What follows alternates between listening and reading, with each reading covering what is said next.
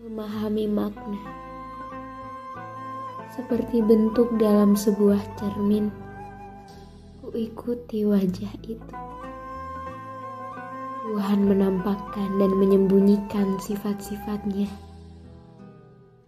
Tatkala Tuhan tertawa, maka aku pun tertawa.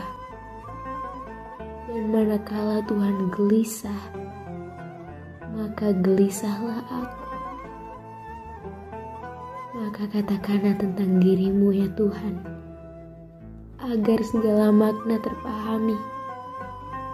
Sebab mutiara-mutiara makna yang telah aku rentangkan di atas kalung pembicaraan berasal dari lautanmu. Tuhan hadir dalam tiap gerak. Tuhan berada di mana-mana.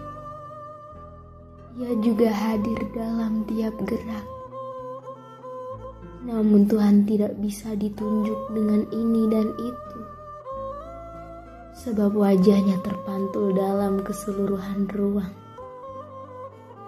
Walaupun sebenarnya Tuhan itu mengatasi ruang.